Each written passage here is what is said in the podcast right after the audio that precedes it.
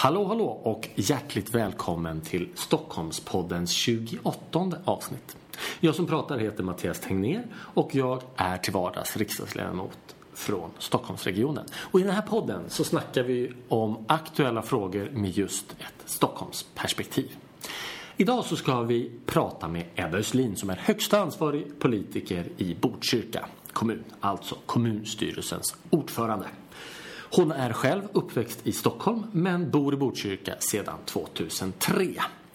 Dagens avsnitt är inspelat under Almedalsveckan i en eh, hektisk och surrande kafeteria i biblioteket i Visby mitt i Almedalen. Så att eh, om det finns lite bakgrundsljud så vet ni varför. Hur som helst, innan vi kastar oss över samtalet med Ebba Schlin så ska vi först lära känna henne lite bättre genom en faktaruta.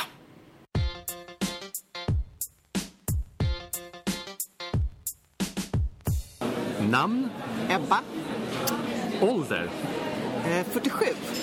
civilstånd, Svår fråga. Officiellt singel. yrke, Kommunstyrelsens ordförande. favoritgata i Stockholm, Åh. ehm, Sveavägen. favoritrestaurang, Oj. ehm, är jättesvårt. Eh, antingen så är det någon japansk eller en tapasrestaurang. Men jag har ingen riktigt som är sådär have to go to. Utan det är mer att jag tycker om att testa nytt. just det. Favoritmaträtt, Åh. ehm, under våren har jag lagat väldigt mycket asiatiskt. Så att det kanske skulle bli en koreansk råbiff just nu. favoritmuseum Åh, eh, Medelhavsmuseet.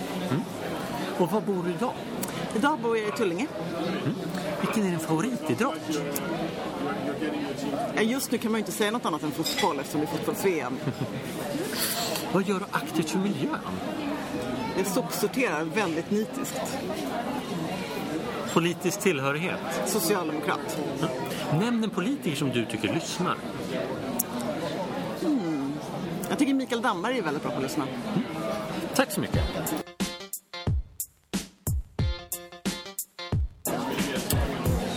Hej Ebba Östlin, hur är läget? Hej Mattias. Jo men det är ganska bra. Almedalen är lite igång eh, och jag har kört mina första paneler och lite runda bordssamtal och sådär. Så nu känns det som man börjar komma upp i varv lite. Ja, vad kul att du ville vara med i Stockholmspodden. Tanken är att vi ska prata om dig, Stockholm men också framförallt Botkyrka där du är högsta ansvarig politiker. Borgmästare tycker jag nästan man skulle säga. Jag vet att man inte får det men Nej, alltså jag använder ju mayor som den engelska titeln för att det ger lite mer kraft. just, så jag får säga Det, får, borgmästare det i är det här helt okej programmet. att säga borgmästare. Ja, men det är bra. Vi ska börja med det viktigaste dock. Vilket är ditt favorit Stockholmslag? Jag är ju eh, Hammarbyare. Okej. Då går vi vidare. Eh, Nästan fel svar va? Det är ju så att jag har en son som är nitiskt aik och en pappa som i och för sig nu har Alzheimer så han kommer inte alltid ihåg det men han är djurgårdare så jag har ju allting inom familjen. Så vem som än vinner så är det ju någon som är glad och Just någon det. som är sur. Jag tycker det låter som att du har en klok far. Ja. Du har varit borgmästare nu i Botkyrka sedan 2016. Hur mår din kommun? Jag tycker att Botkyrka kommun mår bättre och bättre. Vi är inne i ett väldigt fascinerande läge eh, med en utveckling som vi inte har sett sedan miljonprogramsområdestiden. Mm. För många när de hör Botkyrka som inte har en relation till Botkyrka tänker ju annorlunda. Ja. Vad beror det på? Jag tänker att, man, att vi förknippar med förorten och miljonprogramsområden och svensk segregation och ett antal andra ja, som kan ha en negativ klang. Eller så är vi förknippade med Cirkus Cirkör, upplevelsesatsning och ett rikt kulturliv. Så att bilden av Botkyrka är oftast väldigt tudelad, antingen väldigt positiv eller negativ. Just det. Och du har ju tidigare varit ansvarig för skolfrågor i Botkyrka och arbetat med skolfrågor väldigt länge. Det är egentligen min ingång i politiken var att jag blev kåraktiv på Lärarhögskolans studentkår i Stockholm. Ja, ja. Och hur skulle du säga att Botkyrkas skolor står sig mot skolorna i Stockholm och i landet? De presterar mycket bättre än vad ryktet låter sig säga. Vi kan se att när vi följer upp våra elever hur de klarar sig på gymnasiet så klarar sig grundskolorna väldigt väl, de kommunala. Och likadant de som går i, i Botkyrkas gymnasium klarar sig väldigt bra på universitet och högskolestudierna. Eh, Så att vi har en, dels har vi en klar, hela tiden stark utveckling när det kommer till betygen och meritvärderna. Och samtidigt så har vi också att vi kan se att, att de här betygen faktiskt stämmer. Det vill säga att man klarar nästa nivå och att man går igenom den. För mig så, det som har drivit mig i alla år har handlat om att skolframgång, att få lyckas, det är den bästa skyddsfaktorn och därmed, ja, för en ung människa. För att om du klarar skolan, då går du vidare till nästa fas. Och då, allt det där som kan lockas runt omkring, det försvinner genom att du faktiskt ser att du kan välja den smala vägen och du har framtidsmöjligheter där och då väljer man det. Så för mig så blir det liksom att en bra skola, det blir den bästa investeringen vi kan göra både för individen men också för samhället i stort. För att bygga ett tryggare, tryggare Botkyrka, ett tryggare Stockholm, ett tryggare Sverige. Du nämnde också att, att ni sätter, du uttryckte det på något, något klokt sätt, men i grund och botten så sa du att vi sätter betyg som, som är rätt på något sätt. Ja. Det, det är en väldigt spännande diskussion med tanke på betygsinflation och sådär. Ja, absolut. Hur, eh, hur arbetar ni med, med, med be- betyg och kunskap i Botkyrka?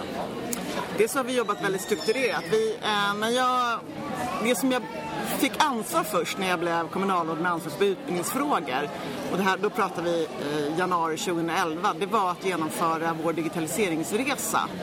Och då kan man säga, men vad handlar det om då? Ska man, alla barn ska få en dator eller en, en iPad? Det är väl inte, alltså så här, Ja, det är ju bara att sätta in dem i klassrummet. Och det är det ju bara, utan det viktigaste är ju den liksom, lärprocess som där händer. Vad händer i, liksom, lärarnas metodik? Vad händer i det didaktiska mötet? Och hur kan vi faktiskt se till att lärprocessen utvecklas och fler barn och unga når kunskaps, högre kunskapsnivåer och därmed också kan få bättre betyg. Så att jag tror att det är väldigt viktigt att ha liksom, kollen på att när man gör ett förändringsarbete så kanske man använder ett verktyg för att få igång den. Men målet alltid är att faktiskt eleverna ska få ökade kunskaper och att ha, det med sig.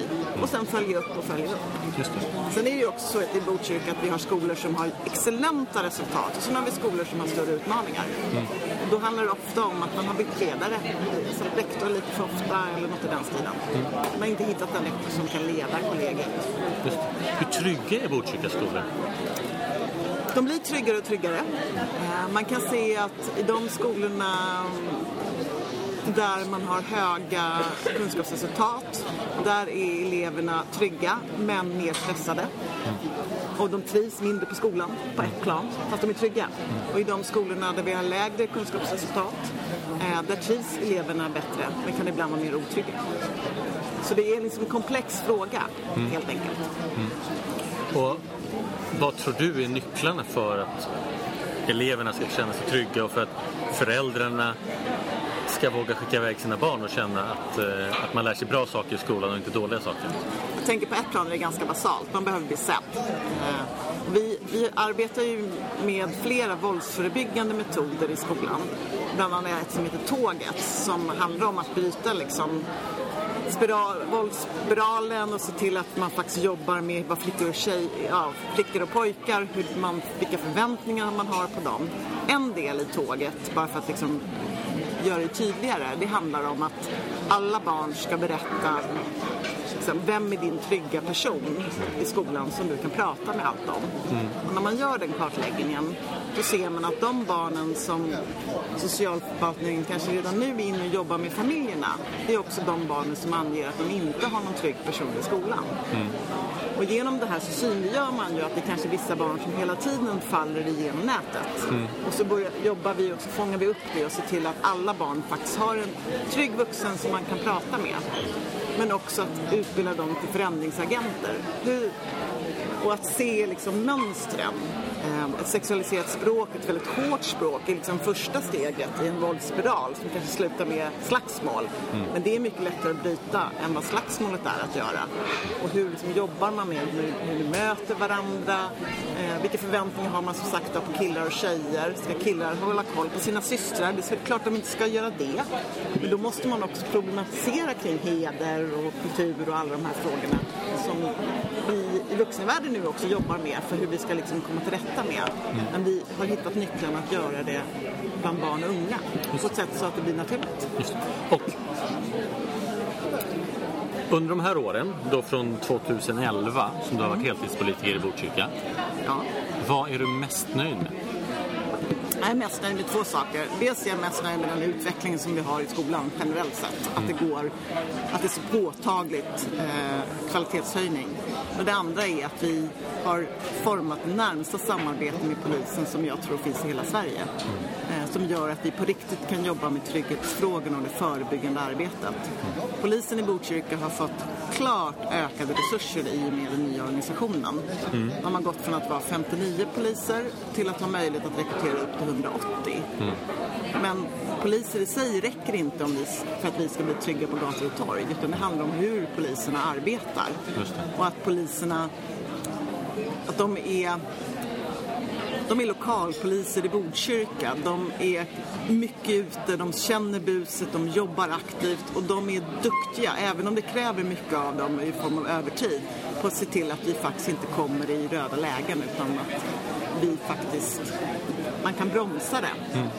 Och det här samarbetet som vi då har, eh, en del i det är att varje torsdag så träffas polisen, en kommunpolis och trygghetssamordnare och en representant för Botkyrkabyggen. Och så gör man en lägesanalys av vad, hur mår de olika stadsdelarna, vad känner vi till?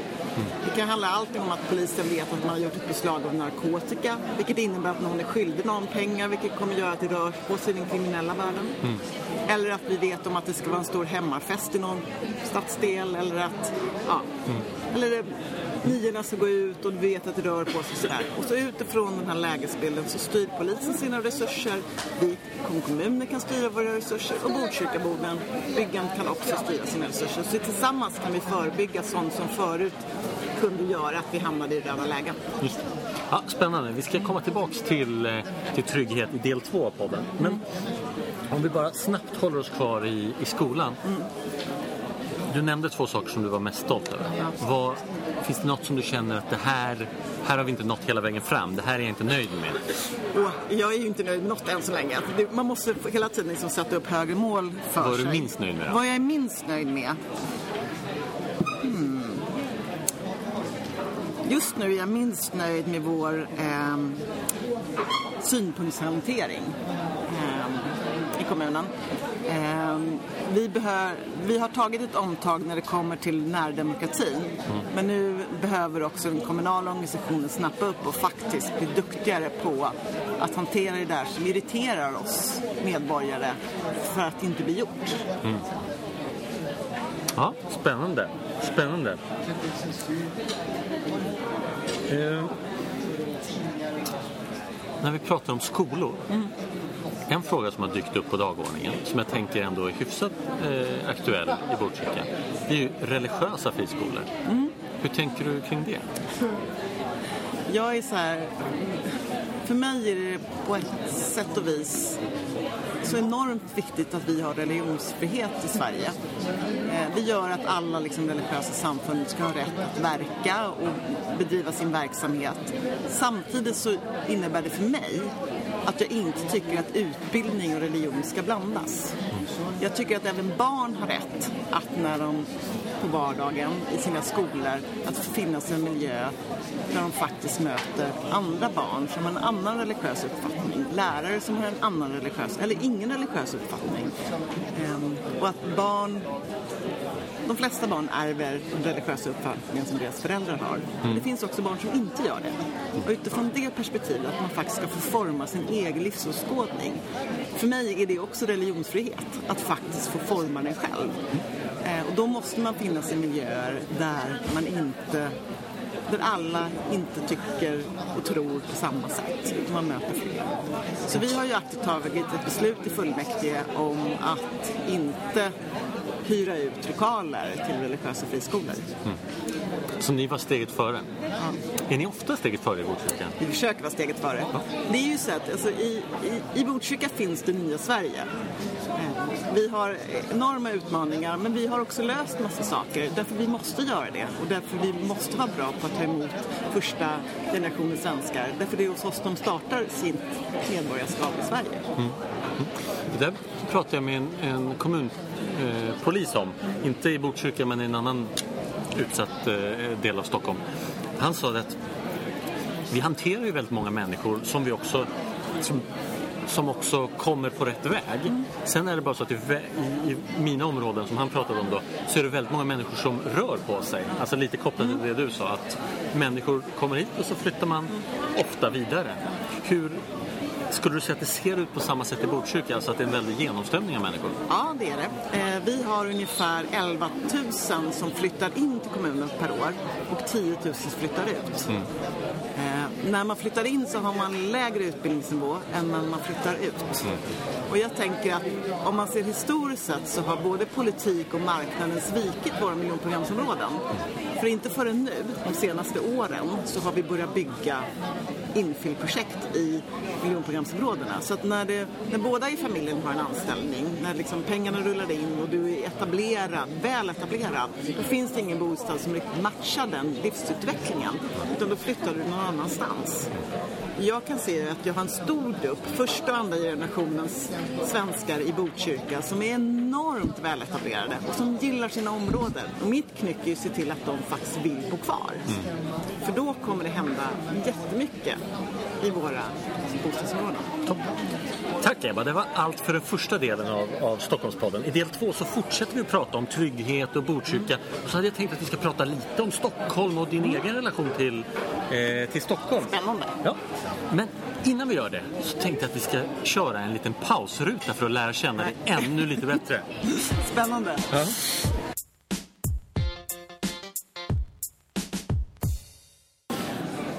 Favoritstockholmare? Oj.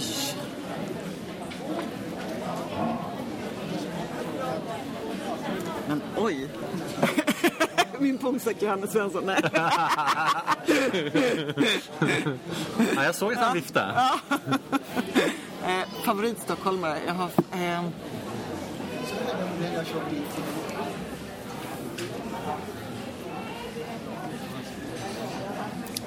en väldigt svår fråga. Har liksom inte definierat folk utifrån att de är stockholmare eller inte. Det är ju väldigt viktigt för Det väldigt är- många. Ja, absolut. Jag är eh, jätte 08. Så. Ehm, jag tycker väldigt bra om Karin Manngård. Favoritbar? Åh. Ehm. Hmm.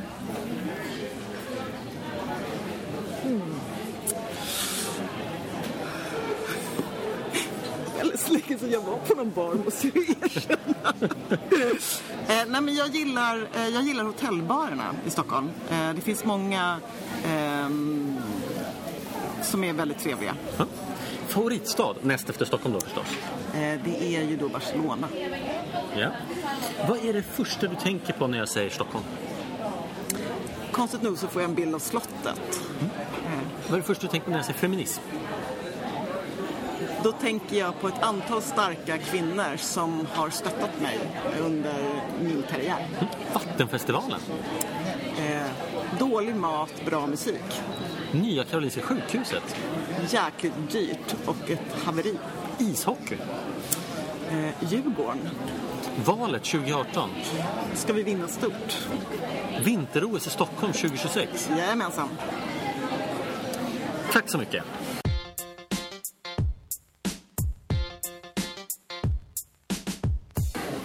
Då är vi alltså tillbaka med del två av Stockholmspodden där jag idag samtalar med Ebba Östlin.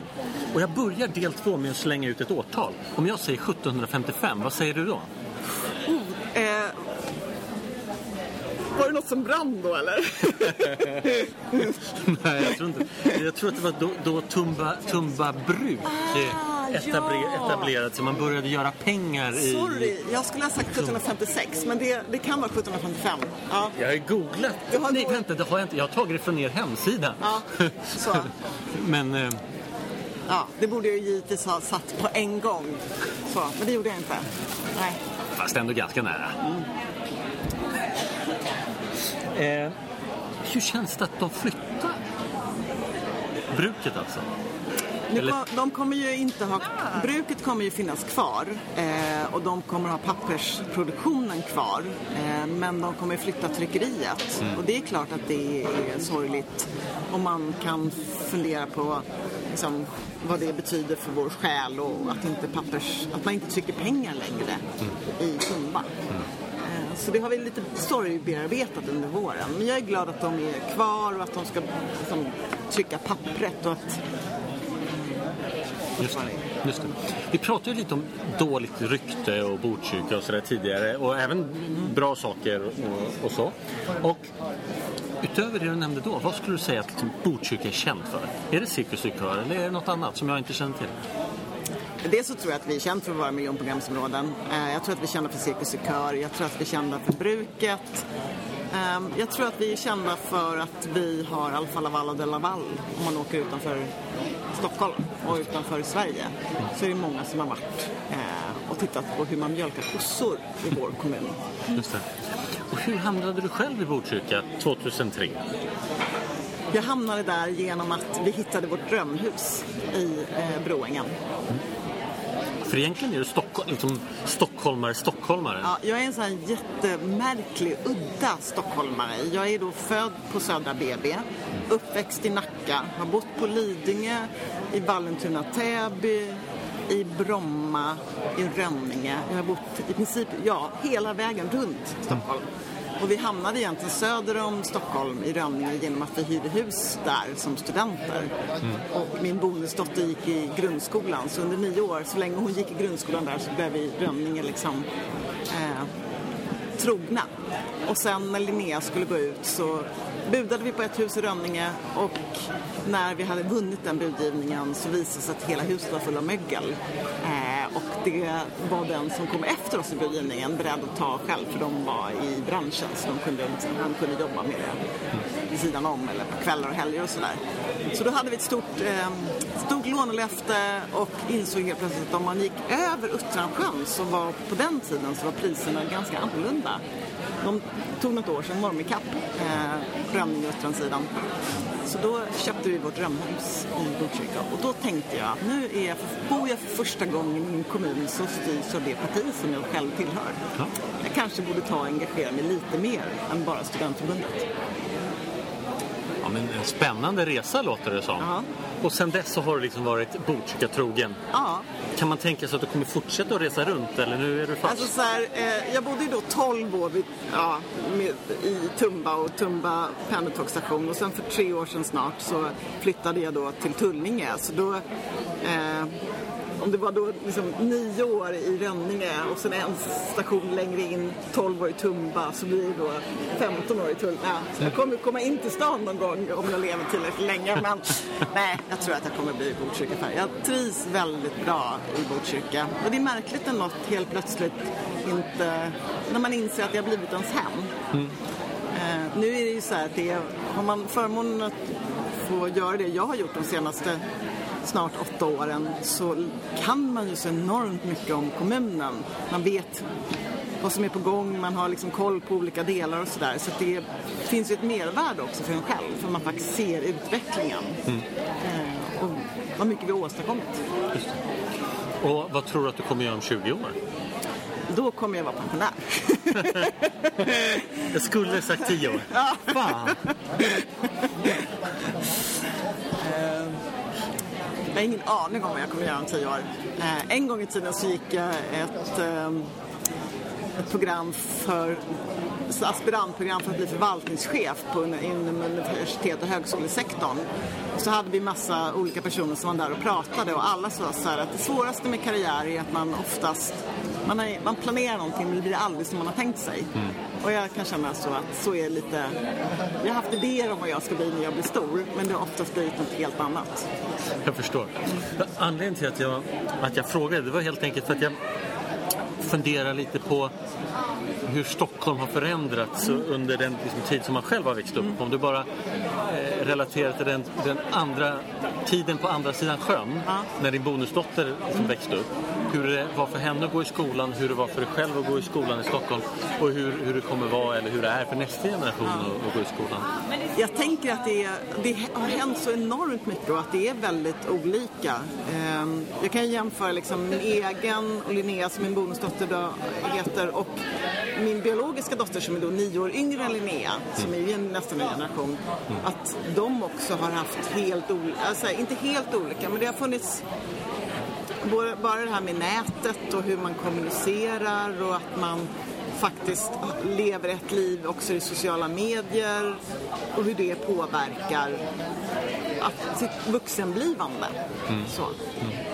Um, det är klart att det, och då tänker jag att när Thea föddes 96 då hade jag ingen aning om hur det skulle vara nu. 22 år senare. Och om man tittar 22 år fram i tiden så tänker jag den dagen mina barnbarn finns liksom, så kommer man. Det är väldigt svårt att veta. Det enda man vet är liksom, jag tycker om begreppet future ready. Mm.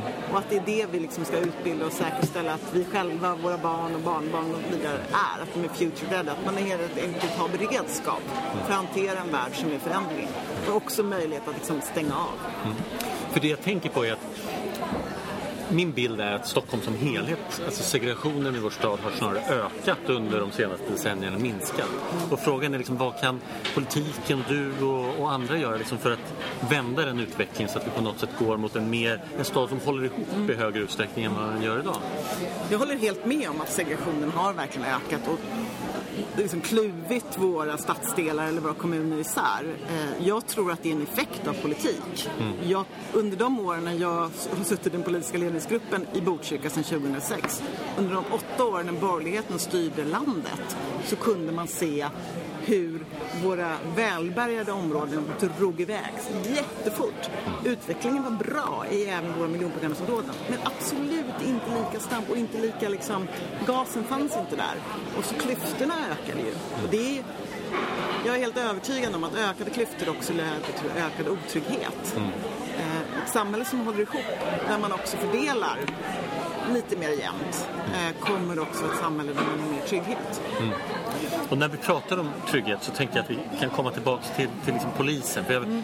Trygghet är ett jättestort begrepp och det är ju klart att eh, i min värld så är trygghet mycket större än bara liksom, polisiär närvaro. Men jag tänker att just nu när ändå flera av Stockholms kommuner är väldigt eh, präglad av, av gängkriminalitet och skjutningar så där, blir ju, blir ju polistrygghet jätteviktigt. Hur, du, du, berättade lite grann om hur ni jobbar. Vad, vad, kan man säga mer? Det har blivit fler poliser i Botkyrka Det blir fler poliser och vi jobbar mycket nära varandra. Eh, polisen och fältarna och vår förebyggande sektion exempelvis sitter tillsammans vi går in till en ansökan nu till Delmos om att skapa ett våldspreventivt centrum där eh, utredare för ja, våld i nära relationer som sitter egentligen regionalt, att de ska sitta i Botkyrka för de som har hand om Botkyrkas den typen av liksom, eh, brott. Och kunna jobba mycket närmare socialtjänsten så att vi verkligen, när vi går in i insatser så kan vi se att vi faktiskt adresserar roten till utmaningen. Inte att vi liksom svarar på vad den andra myndigheten gör. För det hade vi kunnat se tidigare. Ibland liksom, vi ser ett symptom och det är faktiskt ett symptom på vad polisen har gjort. Mm. Då hade vi tillsammans kunnat agera. Så att forma ett samarbete där vi faktiskt jobbar med det förebyggande tillsammans och har en närmare dialog för att faktiskt öka tryggheten, få bort så mycket våld som bara, det får inte, ja, våld i nära relationer ska utrotas. Det ska liksom, inga barn ska behöva växa upp med att se sin pappa eller mamma bli slagen. För det föder liksom i nästa generation. Så dels det, att hitta de här bra samarbetsytorna och verkligen på riktigt jobba ihop. Sen har vi också gjort så här fördjupad eh, EST i ett, exempelvis i Fittja. Fördjupat vad? EST, Ja, vad betyder det? effektiv samordning för trygghet. Ja. Och Det är det vi gör på torsdagar när vi tar fram en lägesbild. Det är modell, EST är en modell som vi har eh, snott från Örebro. Eh, så den eh, jobbar vi nu med att, med den här liksom att göra en varje vecka. Men vi har också gjort en fördjupad EST på en specifik adress. Där vi tog fram en, en punktlista med åtgärder som polisen skulle göra, som kommunen skulle göra, som bostadsbolaget skulle göra. Och så genomförde vi dem väldigt systematiskt. Och det roligaste, eller det bästa med det var att sen när Botkyrka Byggen gjorde sin enkät, sina boenden nu under våren, så är det så att tryggheten generellt sett hos boenden har minskat. Förutom just i Fittja. Där har tryggheten ökat. Vilket är ett direkt kvitto på att om vi tillsammans bestämmer oss och se liksom, okej, är, en, är en problematik att det faktiskt sker olaglig försäljning i trapphusen. Hur ska vi försvåra att man kommer in där? Hur ska vi se till att vi inte kan ha trapphusen som spaningsplatser för att larma om att polisen är på väg? Vilka filter kan man sätta på fönstren? Hur kan vi jobba med eh, trappstädningen så att det är mycket fräschare?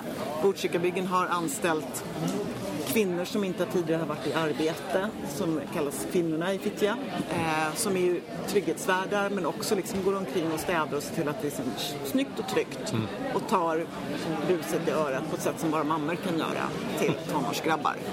Väldigt effektivt. Vad är det mer vi kan göra för att faktiskt öka tryggheten och hitta de där samarbetena och förslagen och riktiga liksom, nycklarna och sen involvera föreningsliv och andra positiva aktörer i, i området. Hur har ni jobbat med kameraövervakning? Intressant att du ställer den frågan. Ja. Ja, Som av en slump? som om en slump. Eh, vi eh, kommer att få upp 46 kameror så fort nazisterna har demonstrerat klart i Visby. För de kamerorna som vi skulle ha fått upp i Botkyrka redan i december, de behövde poliserna använda här i Visby för att nazisterna ska få möjlighet att demonstrera. Det kan göra mig fruktansvärt irriterad. Ja, det förstår jag. Eh, Så, så här, de får väl kanske, eller de ska ju förstås kunna demonstrera om de vill, men eh, under vissa förutsättningar. dem. Men kamerorna känns som att de kanske hade behövts bättre i Botkyrka. Så, men det är en mille som de kostar. Ja. Och de är svåra att få tag på, eller sådär. Och eh, då gjordes tydligen den prioriteringen att de först skulle upp här i Visby och sen plockas ner igen och sättas upp i Botkyrka. Men det har fördröjt det på till ungefär ett halvår. Eller kanske till och med mer. Ja, det låter konstigt. Mm.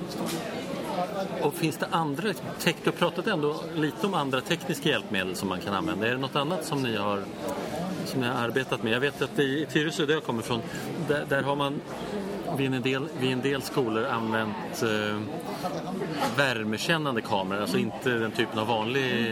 Eh, Det har vi också vid några av våra skolor. Eh, så här. Nej, men kameror, jag tänker att kameror... Eh, om man hade frågat mig för 15 år sedan om jag var för att sätta upp kameror så hade jag frågat om personen i fråga liksom, hade tagit gift eller något i den stilen.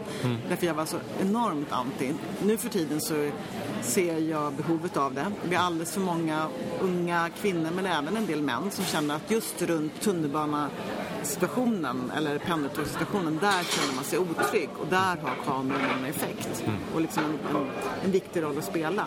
Men det viktigaste är när vi sätter upp kameror så handlar det om var... Vi vet ju att de stör ut. Och vid varje utstörning så tappar man ungefär 10-20 procent av de som håller på med kriminell verksamhet. Eh, men då måste vi också ha möjlighet att följa dem. Polisen måste ha möjlighet att följa dem till var, var tar de vägen någonstans? Och så störa ut dem där, och så störa ut dem där. Alltså så här, aktivt ha en idé om vad vi gör. Tills de är totalt utstörda. Spännande.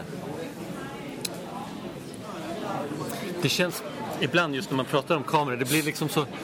Alltså jag tycker ju själv, jag, har nog gjort ungefär samma resa som dig. Alltså jag har insett behovet och tänker att när människor är otrygga och den typen av tekniska hjälpmedel Finns. finns så bör man använda det på Har du ett sett hur ansvarsfullt sätt. enormt effektiva, alltså så här, kamerorna, de är ju så, man kan ju, om man sätter upp en kamera så kan man ju, måste man ju begränsa linsen, man måste ställa in utifrån vilken, det lagrum man har, alltså var får man filma någonstans. För att en kamera på en, en lyktstolpe skulle, utanför en tunnelbanestation skulle liksom kunna fota rakt in i en lägenhet. 500-800 meter bort. Ja, nej, men det Så det är ju verkligen en fin linje. Ja, nej, men absolut, absolut. Det som jag tycker är spännande är just när man kan göra precis som du sa, när man kan kombinera teknisk Ja. utveckling med andra typer av samarbeten. För det är så lätt att man pratar om kameror. Jag gör det själv. Just för att det är enkelt och alla förstår. Medan samarbete och så, det låter jävligt osexigt. Ja, men, men löser skit- ganska alltså många här, problem. Ibland kan jag ju känna så att det jag gör i Botkyrka, det är traditionell socialdemokratisk politik. Vi tillsätter en arbetsgrupp, vi ser till att lösa det, vi får folk att prata med varandra. Det är verkligen ganska osexigt, precis som du säger, det är inte så sexigt. Eh, Det är traditionellt att se både det hårda och det mjuka och så göra jobbet på riktigt. Och det jag kan bli så enormt trött av när det gäller liksom nationella debatten och jag kan förstå av en del liksom så här, vänner och bekanta som tycker att Moderaterna låter ju väldigt bra när de pratar om de här frågorna. Och då är min, alltid mitt svar till dem, ja men sen ska de också sänka skatten. Det här de pratar om, det kostar pengar om man ska göra det på riktigt. Och då går det inte ihop med att vi ska sänka skatten. Ja, kloka ord. Det får nog nästan bli avslutningsorden. Tack så jättemycket Ebba Östlin för att du var med i Stockholmspoddens 28 avsnitt. Tack så mycket Mattias. Tack. Det var alltså allt för dagens avsnitt av Stockholmspodden. Och eh, det var alltså det 28 avsnittet och idag har jag samtalat med Ebba Östlin. Ni får gärna kommentera avsnittet på vår Facebook-sida, Stockholmspodden. Och som vanligt så stavas Stockholm S-T-H-L-M. Den som lever får se hur utvecklingen går i Botkyrka under de närmsta åren. Om Ebba får chansen att fortsätta styra Botkyrka för att skapa en trygg och eh, framtidsinriktad kommun. Det ska också bli spännande att se vad som händer med de här övervakningskamerorna. Om de faktiskt kommer upp i Botkyrka för att kunna förhindra kriminalitet och annat bus. Hur som helst så var dagens producent Arvid Linder. Tack så mycket för att ni har lyssnat.